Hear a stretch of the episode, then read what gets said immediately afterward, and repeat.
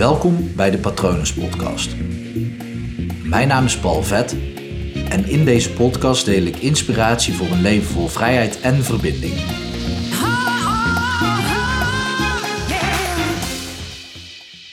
Gisteren was ik onderweg naar Den Haag met de trein.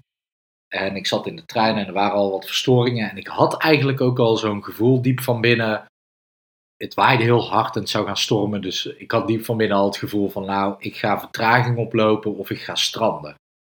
Toch bijzonder om dan te bedenken, oké, is het mijn gevoel geweest dat ervoor zorgde dat de trein opeens stil kwam te staan op station Zwijndrecht? Of is het andersom? Geen idee natuurlijk hoe dat, dat werkt. Maar uh, station Zwijndrecht, helemaal geen station waar de trein zou stoppen, maar er was een wisselstoring, dus daar moesten we eruit. En uh, ik zat in de Intercity richting Amsterdam. En uh, we konden daar uitstappen en dan zou er op hetzelfde spoor zou een sprinter komen die ook naar Amsterdam zou rijden. Maar omdat, die, uh, omdat er dus een wisselstoring was, hadden ze het helemaal niet door. Maar moest hij dus op het andere spoor aankomen. Snap je nog? Uh, ik vond het in ieder geval een logisch verhaal, maar zij, de NS maakte er een heel, hele grote puzzel van. Dus nou, ik naar het andere spoor toe in de sprinter gestapt richting Rotterdam.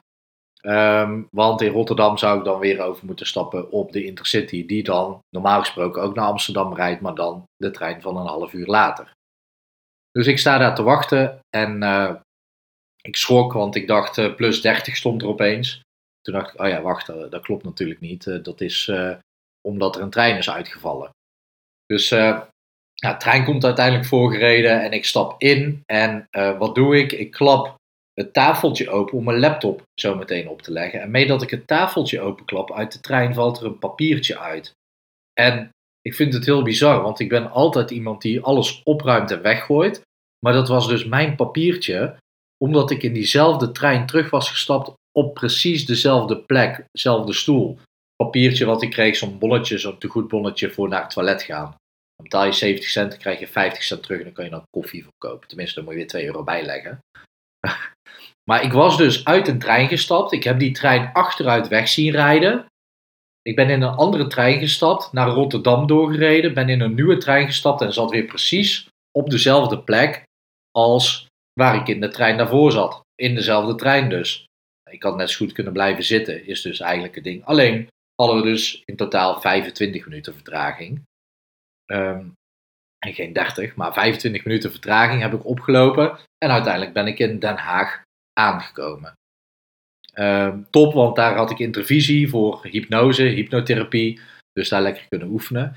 Maar toen ik uh, dat tafeltje open klapte van de stoel en dat papiertje eruit zag vallen, toen was ik echt heel erg verwonderd. Toen dacht ik, wow, dit is toevallig. Nou ja, toeval bestaat niet of bestaat juist wel. Het is maar net hoe je het omschrijft.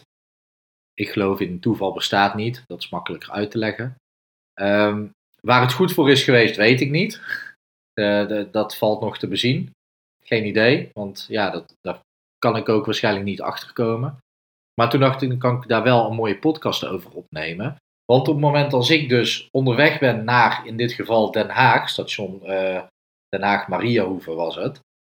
En um, ik word verleid, of eigenlijk afgeleid, om van mijn pad af te wijken. Wat zo was, letterlijk. Want ik moest gewoon uit de trein, uit het ding wat mij uh, naar mijn doel toe bracht. Dat vinden wij mensen nooit leuk. Daarom vinden we uh, over het algemeen in het verkeer ook nooit leuk als er iemand voor je gaat rijden die langzamer, langzamer rijdt of in de weg rijdt of je hebt ergens hinder. Dan ben je onderweg naar een doel. En als er dan een obstakel is, daar kunnen we gewoon slecht tegen. Want vroeger betekende dat letterlijk als jij op een uh, dier aan het jagen was um, en er was een obstakel, dan had je dus gewoon die avond geen eten. Daarom zit dat nog zo in ons systeem. Maar het zou heel raar zijn als ik dan uit die trein zou stappen en denken: oké, nou ja, ik, uh, ik ga lekker hier eens in uh, Zwijndrecht een koffiezaakje opzoeken en daar gewoon lekker even een, een bagel eten of een gebakje eten of weet ik wat, lekker koffie drinken en dan gewoon weer terug naar huis. Het zou heel raar zijn, want ik had een afspraak in Den Haag. Maar dit is wel iets wat regelmatig in ons leven gebeurt. Dat we onderweg zijn naar een doel. Dat we voor onszelf hebben bepaald: oké, dit is het doel waar ik naartoe wil. En dan is er een verleiding, een afleiding. Meestal een verleiding. En dan leidt het leven je dus af van jouw doel. En dan is er daar ook weer iets leuks te leren, te beleven, te ervaren. En doordat daar ook allerlei uh, hormonen worden aangemaakt, word je dus heel makkelijk van je doel afgeleid. En toen dacht ik, ja, dat is eigenlijk heel gek, want ik word gewoon nu, ik ga naar een doel toe, in dit geval een bepaald station in Nederland. Ik word verleid, maar ik hou me vast aan mijn doel. Wat gebeurt er? Ik kom uiteindelijk zelfs op dezelfde plek terug met een beetje vertraging. En ik kom uiteindelijk op mijn doel aan. En dat zou mooi zijn als dat in je leven ook gewoon zo werkt voor jou. En ik vraag me af, word jij wel eens verleid om een andere afslag te nemen? En neem je die dan ook? En als je die dan hebt genomen, laat je dan weer verleiden in weer een andere afslag? Of ben jij doelgericht en kan jij gewoon de dingen die jij belangrijk vindt in het leven ook manifesteren? Krijg jij dat altijd voor elkaar? Ik vind het een interessant iets om over na te denken. Ook de metafoor van de trein. Ja, als, als daar iets gebeurt, dan ga je er alles aan doen om toch op plaats van bestemming uh, te geraken. Uh, maar in het leven uh, zijn we al snel geneigd om ons te laten verleiden. Eh, maar goed, dat kan bij jou natuurlijk anders zijn. Laat me vooral weten. Je kan me vinden op Instagram. Ik heb vandaag mijn naam veranderd op Instagram. Vandaag, vanaf vandaag heet ik Hypnopal, omdat ik me volledig ga richten op hypnotherapie. daar zit ook een groot deel coaching bij en NLP en systemisch opstellen. Dat doe ik in de hypnose, maar ook eromheen. Het, het, is allemaal, het zit allemaal in elkaar verweven, maar ik, uh, ik richt me echt op hypnotherapie, omdat ik gewoon echt kan communiceren met je onbewuste. Dat vind ik heel vet om te doen en het is gewoon veel effectiever om te doen. Zelfs als ik daarna nog NLP ga toepassen of systemisch ga opstellen, dan ja, werkt het zoveel beter door in je leven.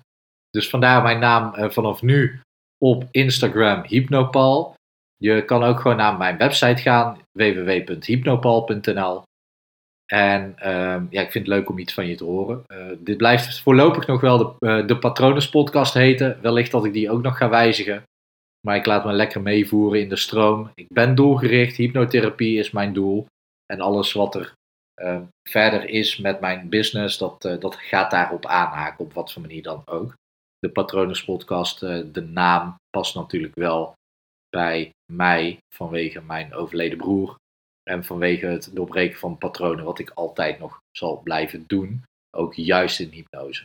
Goed, ik vind het leuk om iets van je te horen, dus je weet nu waar je me kan vinden. Ik hoop dat het goed met je gaat. En ik wens je natuurlijk nog een hele mooie dag toe.